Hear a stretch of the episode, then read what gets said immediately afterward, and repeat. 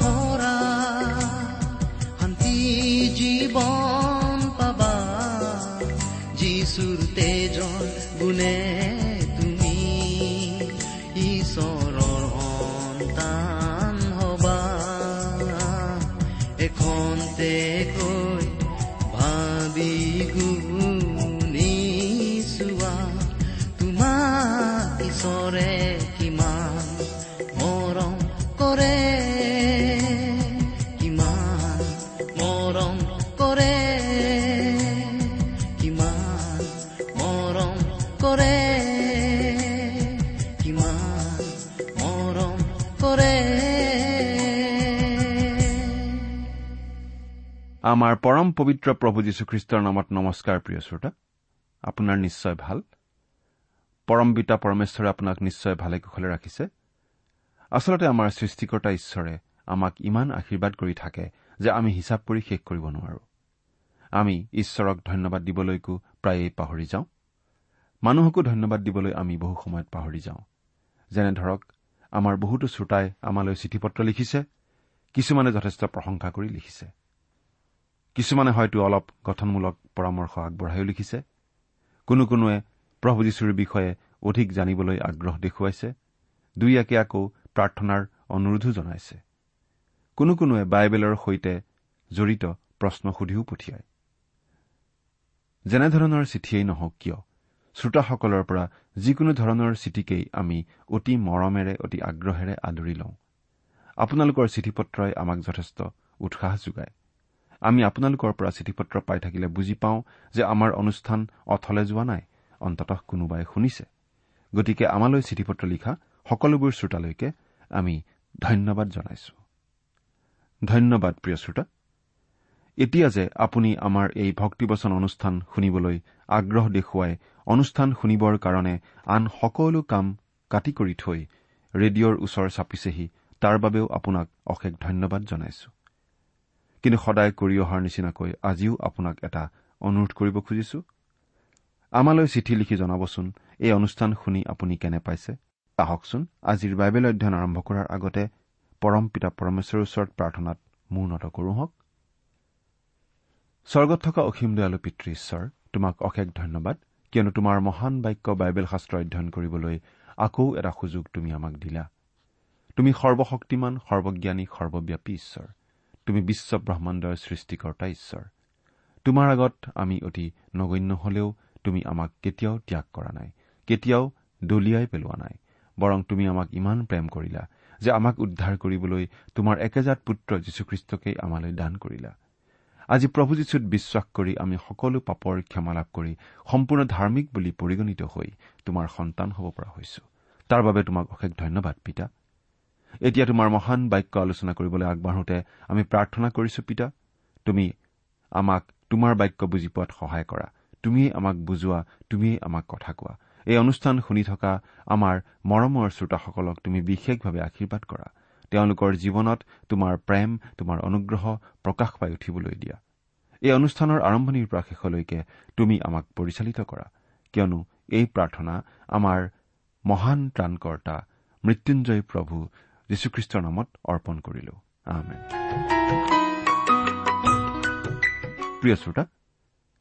আজি কিছুদিনৰ পৰা আমি বাইবেলৰ নতুন নিয়ম খণ্ডৰ ইফিচিয়াবিলাকৰ প্ৰতি পত্ৰ নামৰ পুস্তকখন অধ্যয়ন কৰি আছো। নহয় জানো? আপুনি যদি আমাৰ আগৰ অনুষ্ঠানটো শুনিছিল তেন্তে আপোনাৰ নিশ্চয় মনত আছে যে আমি যোৱা অনুষ্ঠানত এই ইফিচিয়া পুস্তকখনৰ প্ৰথম অধ্যায়ৰ আঠ নম্বৰ পদৰ পৰা বাৰ নম্বৰ পদলৈকে পঢ়ি আলোচনা আগবঢ়াইছিলো। আজি আমি তেৰ নম্বৰ পদৰ পৰা আমাৰ আলোচনা আগবঢ়াই নিম। এতিয়া আমি বাইবেলৰ পৰা পাঠ কৰি দিম।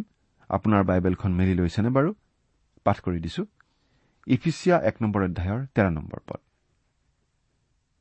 তেওঁতেই তোমালোকেও সত্যতাৰ বাক্য অৰ্থাৎ তোমালোকৰ পৰিত্ৰাণৰ শুভবাৰ্তা শুনিবলৈ পাই তেওঁতেই বিশ্বাসো কৰি অংগীকৃত পবিত্ৰ আত্মাৰে মোহৰ মৰা হলা। ইয়াত আমি পবিত্ৰ আত্মাৰ বিষয়ে বিশেষভাৱে আলোচনা কৰিম। পবিত্ৰ আত্মাৰ কাৰ্যৰ বিষয়ে চালে আমি দেখা পাওঁ যে তেওঁ আমাক আম্মিকভাৱে নতুন জন্ম দান কৰে তেওঁই আমাৰ আশ্ৰয় আৰু আমাৰ জীৱনৰো প্ৰকৃত অৰ্থ প্ৰদান কৰে তেওঁই প্ৰথমতে আমি নতুন জন্মৰ বিষয়টো চাওঁ হওক। বহুতে হয়তো ক'ব যে এই শাস্ত্ৰ পদত নতুন জন্মৰ কোনো প্ৰসংগই নাই কিন্তু আচলতে নতুন জন্মৰ কথাটো ইয়াত জড়িত হৈ আছে। কাৰণ এতিয়া আমি পিতৃ ঈশ্বৰে আমাৰ বাবে কি কৰিলে তাৰ পৰা পবিত্ৰ আত্মা ঈশ্বৰে আমাত কি কাৰ্য সম্পাদন কৰে সেই বিষয়টোলৈ আগবাঢ়ি গৈছো। পিতৃ ঈশ্বৰে খ্ৰীষ্টীয় মণ্ডলীৰ পৰিকল্পনা কৰিলে। প্ৰভু যীশুখ্ৰীষ্টই ক্ৰুচৰ ওপৰত নিজৰ অমূল্য তেজ বোৱাই মূল্য দি মণ্ডলীক কিনি ললে অৰ্থাৎ আমাৰ মুক্তি সম্পাদন কৰিলে। কিন্তু পবিত্ৰ আত্মা ঈশ্বৰৰ কাৰ্য হৈছে খ্ৰীষ্টীয় মণ্ডলীৰ আপডাল কৰা। তেওঁ আমাত থাকি আমাৰ মাজত কাৰ্য কৰে। নতুন জন্মৰ কাৰ্যটোত পবিত্ৰ আত্মাই কেনেদৰে অংশগ্ৰহণ কৰে বাৰু? পবিত্ৰ আত্মাৰ প্ৰভাৱতেই পাপী ব্যক্তিজনে খ্ৰীষ্টৰ শুভবাৰ্তা শুনে আৰু অন্তৰত বিশ্বাস কৰে। আৰু তাৰ ফলস্বৰূপে সেই পাপীজনে নতুন জন্ম লাভ কৰি ঈশ্বৰৰ সন্তান হৈ পৰে। প্ৰভু যীশুৱে এনেদৰে কৈছিল নতুনকৈ তোমালোকৰ জন্ম হ'ব লাগে। মই যে তোমাক এই কথা কলো ইয়াত বিস্ময় নামানিবা। জোখন তিনি অধ্যায় সাত নম্বৰ পদ। আমিনো নতুন জন্ম কেনেকৈ পাওঁ? ইয়াৰ ব্যাখ্যাও বাইবেলতে দিয়া হৈছে। আমি জোহনে লিখা শুভবাৰ্তা এক নম্বৰ অধ্যায়ৰ বাৰ নম্বৰ পদত এনেদৰে পাওঁ। তথাপি যিমান মানুহে তেওঁক গ্ৰহণ কৰিলে অৰ্থাৎ তেওঁৰ নামত বিশ্বাস কৰিলে সেই সকলোকে ঈশ্বৰৰ সন্তান হবলৈ তেওঁ ক্ষমতা দিলে। অৰ্থাৎ আমি প্ৰভু যীশুৰ নামত বিশ্বাস কৰিলেই নতুন জন্ম লাভ কৰো। তেওঁতেই তোমালোকেও সত্যতাৰ বাক্য অৰ্থাৎ তোমালোকৰ পৰিত্ৰাণৰ শুভবাৰ্তা শুনিবলৈ পাই তেওঁতেই বিশ্বাসো কৰি অংগীকৃত পবিত্ৰ আত্মাৰে মোহৰ মৰা হলা। শুভবাৰ্তা শুনিবলৈ পায়। শুভবাৰ্তা হৈছে পৰিত্ৰাণৰ শুভবাৰ্তা। প্ৰভু যীশুক বিশ্বাস কৰি গ্ৰহণ কৰিলেই আমি পাপৰ ক্ষমা লাভ কৰি পৰিত্ৰাণ পাব পাৰো অনন্ত জীৱনৰ অধিকাৰী হ'ব পাৰো। এয়েই শুভবাৰ্তা পৰিত্ৰাণৰ শুভবাৰ্তা। শুনিবলৈ পায় শুনা মানে কেৱল কাণেৰে শব্দখিনি শুনাকেই বুজোৱা হোৱা নাই শুনি পেলাই বুজি পোৱাটোকো বুজোৱা হৈছে। পাচনি পৌলে এনেদৰে লিখিছিল প্ৰথম কৰিন্থিয়া এক নম্বৰ অধ্যায়ৰ তেইছ আৰু চৌব্বিছ নম্বৰ পদত আমি পাওঁ। কিন্তু আমি হলে ক্ৰুচত দিয়া সেই খ্ৰীষ্টকে ঘোষণা কৰো। তেওঁ যিহুদীবিলাকলৈ বিঘিনি পৰজাতিবিলাকলৈ মূৰ্খতা। কিন্তু যিহুদী বা গ্ৰীক হওক আমন্ত্ৰিতবিলাকলৈ ঈশ্বৰৰ শক্তি আৰু ঈশ্বৰৰ জ্ঞানস্বৰূপ। আমন্ত্ৰিতবিলাকনো কোন যিসকলে প্ৰভু যীশুৰ শুভবাৰ্তা শুনিবলৈ পালে সেইসকল নেকি? নহয়।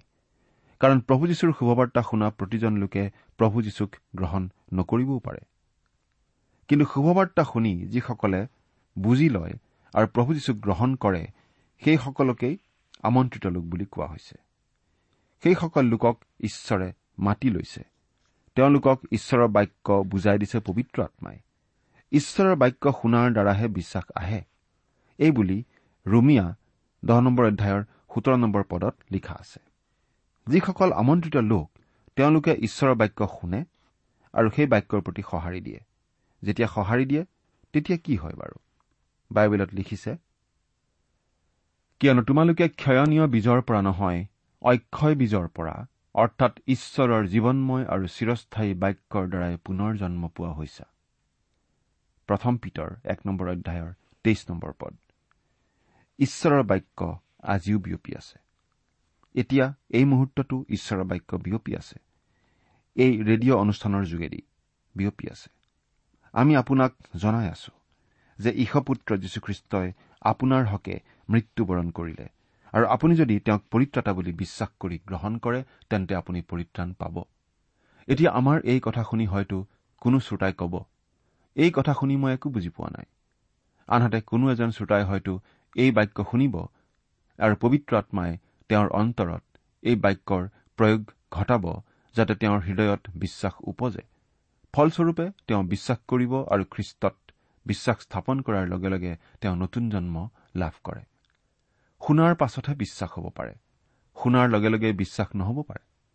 কিন্তু শুনা কামটো আগতে হ'বই লাগিব। তেওঁতেই তোমালোকেও সত্যতাৰ বাক্য অৰ্থাৎ তোমালোকৰ পৰিত্ৰাণৰ শুভবাৰ্তা শুনিবলৈ পাই তেওঁতেই বিশ্বাসো কৰি এনেদৰেই আমি নতুন জন্ম লাভ কৰো। সত্যতাৰ বাক্য অৰ্থাৎ প্ৰভু যীশুৰ যোগেদি যি পৰিত্ৰাণ সেই পৰিত্ৰাণৰ শুভবাৰ্তা শুনি বিশ্বাস কৰিয়েই আমি নতুন জন্ম লাভ কৰো।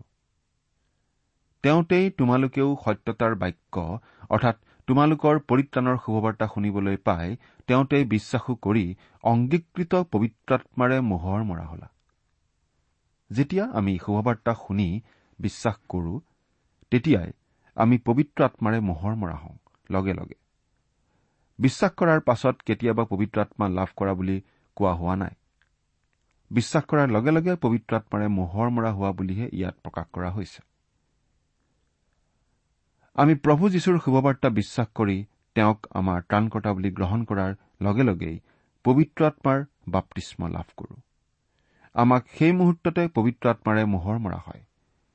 পবিত্ৰ আত্মাই প্ৰথমতে আমাৰ কাণ মুকলি কৰে যাতে আমি শুভবাৰ্তা শুনিবলৈ পাওঁ। তাৰ পাছত তেওঁ বিশ্বাস জন্মায় আৰু অতি যুক্তিসংগতভাৱেই বিশ্বাস জন্মাৰ লগে লগে বিশ্বাসীজনক পবিত্ৰ আত্মাই মোহৰ মাৰি দিয়ে।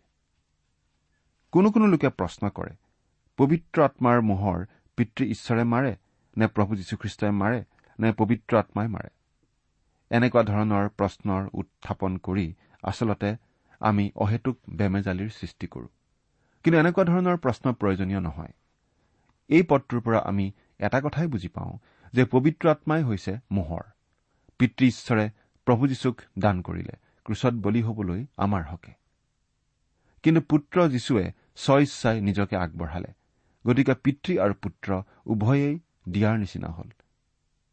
পিতৃ ঈশ্বৰ পুত্ৰ ঈশ্বৰ উভয়েই পবিত্ৰ আত্মাক পঠিয়াই দিলে বিশেষ কাৰ্য সম্পাদন কৰিবৰ বাবে। কিন্তু সেই বিশেষ কাৰ্য কৰে পবিত্ৰ আত্মাইহে। তেওঁ বিশ্বাস কৰা পাপী ব্যক্তিক নতুন জন্ম প্ৰদান কৰে আৰু সেই সময়তে পাপীজনক মোহৰ মাৰিও দিয়ে। আৰু আমি বিশ্বাস কৰো পবিত্ৰ আত্মা নিজেই সেই মোহৰ। পবিত্ৰ আত্মাই মোহৰ মৰা কাৰ্যটোৰ দুটা উদ্দেশ্য আছে বুলি আমি ক'ব পাৰোঁ।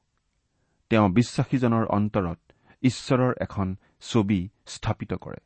যাতে বিশ্বাসীজনৰ জীৱন বাস্তৱ হয়। যেতিয়া কোনো কাগজত মোহৰ মৰা হয় তেতিয়া সেই মোহৰটো লক্ষ্য কৰিলে আমি বাৰু কি দেখো? মোহৰটোত এখন ছবি বা কোনো এটা বিশেষ নক্সা থাকে নহয় জানো? পবিত্ৰ আত্মায়ো ঠিক একে কামেই কৰে। তেওঁ ঈশ্বৰৰ ছবিখনকে বিশ্বাসীজনৰ হৃদয়ত মোহৰ মাৰি দিয়ে। এই কথা আমি পঢ়িলে পাওঁ জোহন তিনি অধ্যায় তেত্ৰিশ পদত। আমি পাঠ কৰি দিছো। তেওঁৰ সাক্ষ্য যিয়ে গ্ৰাহ্য কৰিলে ঈশ্বৰ যে সত্য এই কথাত তেওঁ মোহৰ মাৰিলে। ঈশ্বৰে নিজৰ ছবিখন বিশ্বাসীজনৰ হৃদয়ত আঁকি দিয়ে। দ্বিতীয় উদ্দেশ্যটো হ'ল মোহৰ মৰাৰ দ্বাৰা ঈশ্বৰে নিজৰ মালিকী স্বত্ব প্ৰকাশ কৰা। দ্বিতীয় তিমঠীয় দুই নম্বৰ অধ্যায়ৰ ঊনৈশ নম্বৰ পদটো পাঠ কৰি দিব খুজিছো। দ্বিতীয় তিমঠীয় দুই নম্বৰ অধ্যায়ৰ ঊনৈশ নম্বৰ পদ। ইয়াত আমি এনেদৰে পাওঁ তথাপি ঈশ্বৰে স্থাপন কৰা দৃঢ় ভিত্তিমূল থিৰে থাকে। তাৰ ওপৰত এই কথা মোহৰ মৰা আছে। প্ৰভুৱে তেওঁৰ লোকক জানে আৰু যিকোনোৱে প্ৰভুৰ নাম লয় তেওঁ অধাৰ্মিকতাৰ পৰা দূৰ হওক। প্ৰভু যীশুক গ্ৰহণ কৰি যেতিয়া আমি নতুন জন্ম লাভ কৰো আমি হৈ পৰো ঈশ্বৰৰ সন্তান। ঈশ্বৰৰ নিজৰ লোক। আমাৰ ওপৰত মোহৰ মাৰি ঈশ্বৰে এই কথা প্ৰকাশ কৰি দিয়ে যে আমি তেওঁৰ তেওঁ আমাৰ গৰাকী। অৰ্থাৎ পবিত্ৰ আত্মাৰ মোহৰেই আমাক নিশ্চয়তা প্ৰদান কৰে যে আমি পৰিত্ৰাণ পোৱা লোক। পিতৃ ঈশ্বৰৰ হাতত আমি নিৰাপদ কিন্তু তাৰ মানে এইটো নহয় যে আমি পাপপূৰ্ণ জীৱন কটাই থাকিব পাৰিম।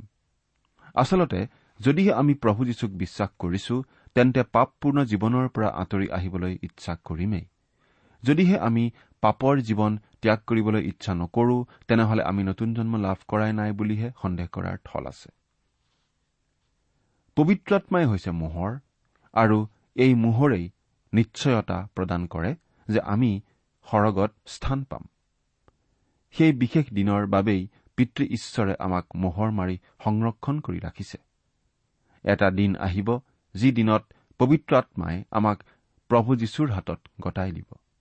আমাক এনেদৰে মোহৰ মাৰি দিয়া হল ভাবি ভাল নালাগেনে বাৰু? ৰেজিষ্ট্ৰী কৰি পঠিওৱা চিঠিখনত ডাকঘৰে বিশেষ মোহৰ মাৰি দিয়ে আৰু যথা সময়ত উপযুক্ত লোকজনৰ হাতত সেই চিঠি গতাই দিয়া হয়। আমাকো মোহৰ মাৰি থোৱা হৈছে যাতে আমি হেৰাই নাযাওঁ আৰু এদিন আমাক স্বৰ্গত প্ৰভু যীশুৰ হাতত গতাই দিয়া হ'ব। আমি স্বৰ্গত থাকিবলৈ পাম। এতিয়া চৈধ্য নম্বৰ পদটো পাঠ কৰি দিছো। ঈশ্বৰৰ নিজস্বৰ মুক্তিৰ অপেক্ষাৰে তেওঁৰ প্ৰতাপৰ প্ৰশংসাৰ অৰ্থে সেই আত্মা আমাৰ উত্তৰাধিকাৰৰ বয়নাস্বৰূপ হৈছে। বয়না মানে কি আমি কম বেছি পৰিমাণে সকলোৱে জানো। বয়না মানে হৈছে আগধন। যেতিয়া কোনো এটা চুক্তি কৰা হয় সেই চুক্তি মানি চলিবলৈ অংগীকাৰ কৰি অলপ আগধন দিয়া হয়। যেনে ধৰক কোনো এটা বস্তু কিনিম বুলি কথা দি যদি অলপ আগধন বা বইনা দি দিয়া হয় তেতিয়া সেই কথাটো একেবাৰে খাটাং কৰাৰ নিচিনা হয়। অৰ্থাৎ আৰু ধন দিয়া হ'ব। সেইটো জনাই দিয়া হয়। পবিত্ৰ আত্মাও বইনাস্বৰূপে আমাক দিয়া হৈছে অৰ্থাৎ আৰু অধিক আশীৰ্বাদ পাবলগীয়া আছে। আমি দেখিলো যে আমি উত্তৰাধিকাৰ লাভ কৰিছো পিতৃ ঈশ্বৰৰ। কিন্তু আমি আৰু বহুত পাম। পবিত্ৰ আত্মা হৈছে আগধন মাত্ৰ। আমি যে অধিক পাবলগীয়া আছে তাৰেই নিশ্চয়তা। আৰু এই সকলো হৈছে তেওঁৰ প্ৰতাপৰ প্ৰশংসাৰ অৰ্থে পৌলে যে সুবিধা পালেই ঈশ্বৰৰ প্ৰশংসা কৰে সেইটো আমি ইয়াত আকৌ দেখিলো। পবিত্ৰ আত্মা ঈশ্বৰৰ বিশেষ কাৰ্যৰ কথা উল্লেখ কৰিয়েই পাচনি পৌলে ঈশ্বৰৰ প্ৰশংসা কৰিছে। পোন্ধৰ আৰু ষোল্ল নম্বৰ পদ পঢ়ি দিম। এইকাৰণে প্ৰভু যীশুত তোমালোকৰ যি বিশ্বাস আৰু সকলো পবিত্ৰ লোকলৈকো যি আছে তাৰ কথা শুনি ময়ো তোমালোকৰ নিমিত্তে ধন্যবাদ কৰিবলৈ নেৰি মোৰ প্ৰাৰ্থনা কালত তোমালোকৰ নাম উল্লেখ কৰি এই প্ৰাৰ্থনা কৰিছো যে ইফিচত থকা খ্ৰীষ্টীয় বিশ্বাসীসকল তেওঁলোকৰ বিশ্বাস আৰু মিলাপ্ৰীতি প্ৰেম ভাৱৰ বাবে বিখ্যাত আছিল। তেওঁলোকৰ বাবে প্ৰেম এটা মাত্ৰ শ্লোগান নহয় তেওঁলোকৰ বাবে প্ৰেম আছিল খ্ৰীষ্টীয় জীৱনৰ এটা চিন। এই খ্ৰীষ্টীয় প্ৰেমৰ ভেটি আছিল প্ৰভু যীশুৰ প্ৰতি থকা তেওঁলোকৰ দৃঢ় বিশ্বাস। আমি সাধাৰণতে দুখ কষ্ট বিপদ ৰোগ ব্যাধি বা কিবা সমস্যাৰ সময়তহে প্ৰাৰ্থনা কৰো নহয়নে বাৰু? কোনো মানুহ বিপদত পৰা বুলি জানিলে তেওঁৰ বাবে আমি প্ৰাৰ্থনা কৰো। কোনো মণ্ডলীত কিবা সমস্যা হোৱা বুলি গম পালে প্ৰাৰ্থনা কৰো। কিন্তু আমি কেৱল সমস্যা আদিৰ সময়তহে প্ৰাৰ্থনা কৰা উচিত নে বাৰু? পাচনি পৌলে আনন্দকৰ বিষয়বোৰৰ বাবে প্ৰাৰ্থনা কৰা আমি প্ৰায়েই দেখা পাওঁ।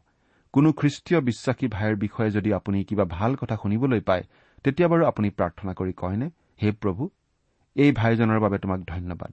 আৰু তুমি যে তেওঁক ইমান আশীৰ্বাদ কৰি তোমাৰ কামত ব্যৱহাৰ কৰি আহিছা তাৰ বাবে তোমাক ধন্যবাদ। এই বুলি।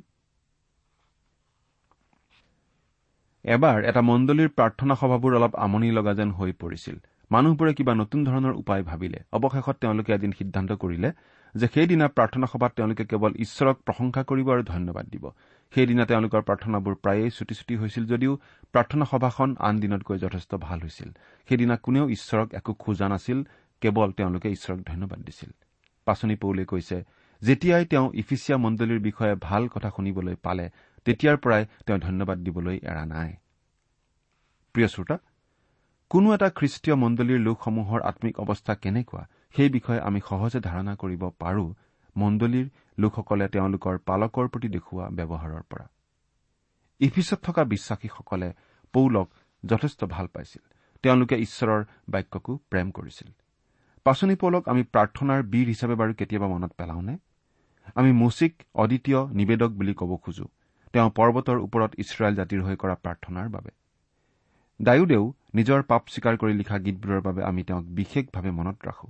একেদৰে আমাৰ মনত পৰে এলিয়া ভাওবাদীৰ কথা দানিয়েল ভাওবাদীৰ কথা যেতিয়া আমি প্ৰাৰ্থনাৰ কথা ভাবো। প্ৰভু যীশুৱে শিষ্যসকলক প্ৰাৰ্থনা কৰিবলৈ বিশেষভাৱে শিকাইছিল কিন্তু পাচনি পৌলক বাৰু আমি প্ৰাৰ্থনাৰ যোদ্ধা বুলি মনত পেলাওনে? এবাৰ এজন বাইবেল শিক্ষকে তেওঁৰ ছাত্ৰসকলক কৈছিল পাচনি পৌলে ক'ত ক'ত প্ৰাৰ্থনা কৰাৰ উল্লেখ কৰিছে তাৰ এখন তালিকা কৰিবলৈ। ছাত্ৰবোৰে আচৰিত হৈ কৈছিল পাচনি পৌলে যে ইমানবোৰ বিষয়ক লৈ প্ৰাৰ্থনা কৰিছিল সেই বিষয়ে আমাৰ কোনো ধাৰণাই নাছিল। পাচনি পৌলৰ প্ৰাৰ্থনাৰ বিষয়বস্তুৰ তালিকাখন ইমান দীঘল বুলি ভবাই নাছিলো। এৰা প্ৰিয় শ্ৰোতা পাচনি পৌল প্ৰাৰ্থনাত ব্যস্ত থকা লোক আছিল। বহুতো মানুহৰ কাৰণে তেওঁ প্ৰাৰ্থনা কৰিছিল। ঈশ্বৰৰ লোকসমূহৰ প্ৰতি পাচনি পৌলৰ যে বিশেষ চিন্তা আছিল সেই কথা আমি বুজি পাওঁ তেওঁৰ এই প্ৰাৰ্থনাবোৰৰ পৰাই আমি যদিহে খ্ৰীষ্টক গ্ৰহণ কৰি ঈশ্বৰৰ সন্তান হৈছো তেনেহলে আন খ্ৰীষ্টীয় বিশ্বাসীৰ প্ৰতি আমাৰ বিশেষ চিন্তা থাকিবই। আমি প্ৰাৰ্থনাত আন বিশ্বাসীৰ কথা সোঁৱৰণ কৰিমেই। নহয়নে বাৰু?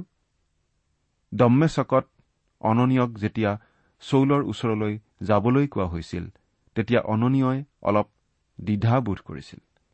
কাৰণ এই চৌলেই খ্ৰীষ্টীয় বিশ্বাসী লোকসকলক যথেষ্ট অত্যাচাৰ কৰি ফুৰিছিল বুলি অননীয়ই জানিছিল। কিন্তু স্বৰ্গদূতে অননীয়ক এই বুলি কৈছিল চোৱা তেওঁ প্ৰাৰ্থনা কৰি আছে। এই কথা আমি পাওঁ পাচনিবিলাকৰ কৰ্ম ন নম্বৰ অধ্যায়ৰ এঘাৰ নম্বৰ পদত। অৰ্থাৎ টাৰ্চ নগৰৰ চৌলৰ যে কিবা এটা পৰিৱৰ্তন ঘটিছে তাৰেই প্ৰমাণ তেওঁ প্ৰাৰ্থনা কৰি থকা কাৰ্যটো। তোমালোকৰ নিমিত্তে ধন্যবাদ দিবলৈ নেৰি মোৰ প্ৰাৰ্থনা কালত তোমালোকৰ নাম উল্লেখ কৰি এই প্ৰাৰ্থনা কৰিছো যে পাচনি পৌলে ইফিচত থকা খ্ৰীষ্টীয় বিশ্বাসীসকলৰ কাৰণে প্ৰাৰ্থনা কৰিছিল একেবাৰে নাম উল্লেখ কৰি। আমি বাৰু আমাৰ প্ৰাৰ্থনা কালত কেইজন লোকৰ নাম উল্লেখ কৰি প্ৰাৰ্থনা কৰো?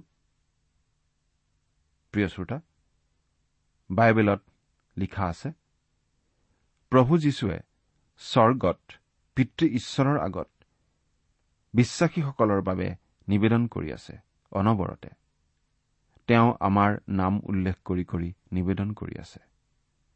কথাটো চিন্তা কৰি চালেই ভাল লাগি যায়। সেই মহান প্ৰভু যীশুক আপুনি আপোনাৰ জীৱনৰ প্ৰভু বুলি গ্ৰহণ কৰি তেওঁতেই সম্পূৰ্ণৰূপে ভৰসা কৰিবলৈ শিকিছেনে বাৰু? এবাৰ চিন্তা কৰি চাওকচোন। ঈশ্বৰ আপোনাৰ আমাৰ সকলোৰে সহায় হওক। প্ৰিয় শ্ৰোতা ইমান পৰে আপুনি বাইবেল শাস্ত্ৰৰ পৰা ঈশ্বৰৰ বাক্য শুনিলে। এই বিষয়ে আপোনাৰ মতামত জানিবলৈ পালে আমি নথৈ আনন্দিত হ'ম। আমি প্ৰস্তুত কৰা বাইবেল অধ্যয়নৰ চিডিসমূহ পাব বিচাৰিলে আৰু অনুষ্ঠানত প্ৰচাৰ কৰা কোনো কথা বুজিব লগা থাকিলেও আমালৈ লিখক। আমাৰ যোগাযোগৰ ঠিকনা ভক্তিবচন ট্ৰান্সৱৰ্ল্ড ৰেডিঅ' ইণ্ডিয়া ডাক বাকচ নম্বৰ সাত শূন্য গুৱাহাটী সাত আঠ এক শূন্য শূন্য এক।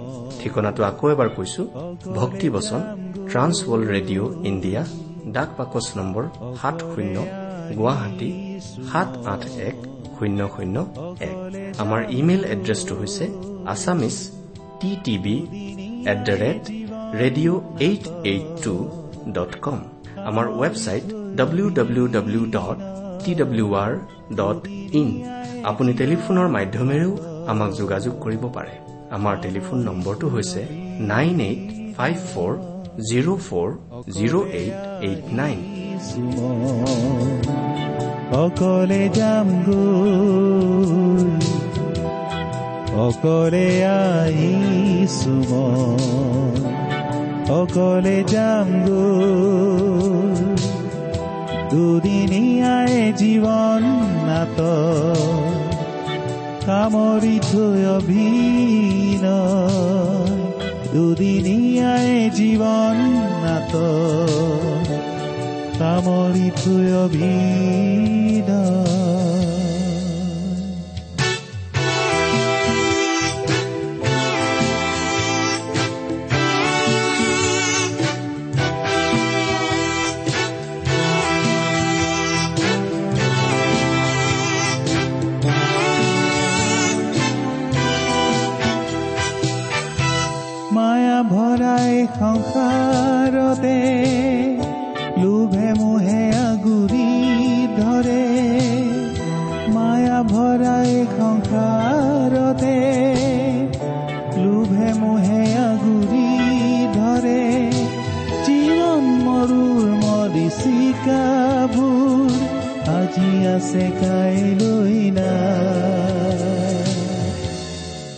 অকলে আহিছো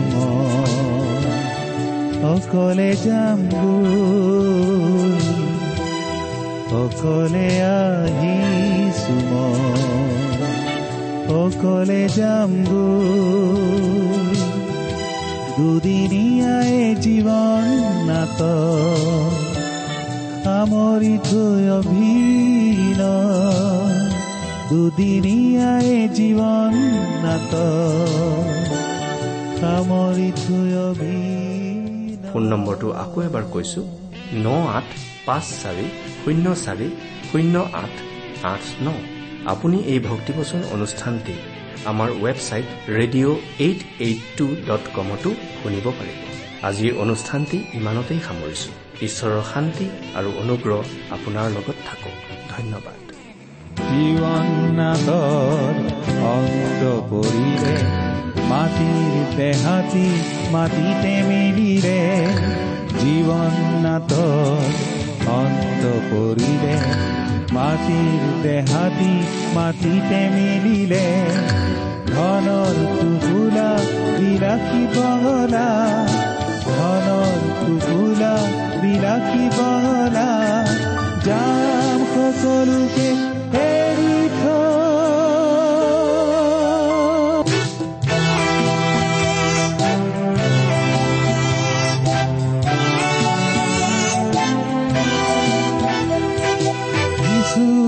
কাষতে সকলো আছে। নম্ৰ মনেৰে আহো বিশ্বাসেৰে যিচুৰ কাষতে সকলো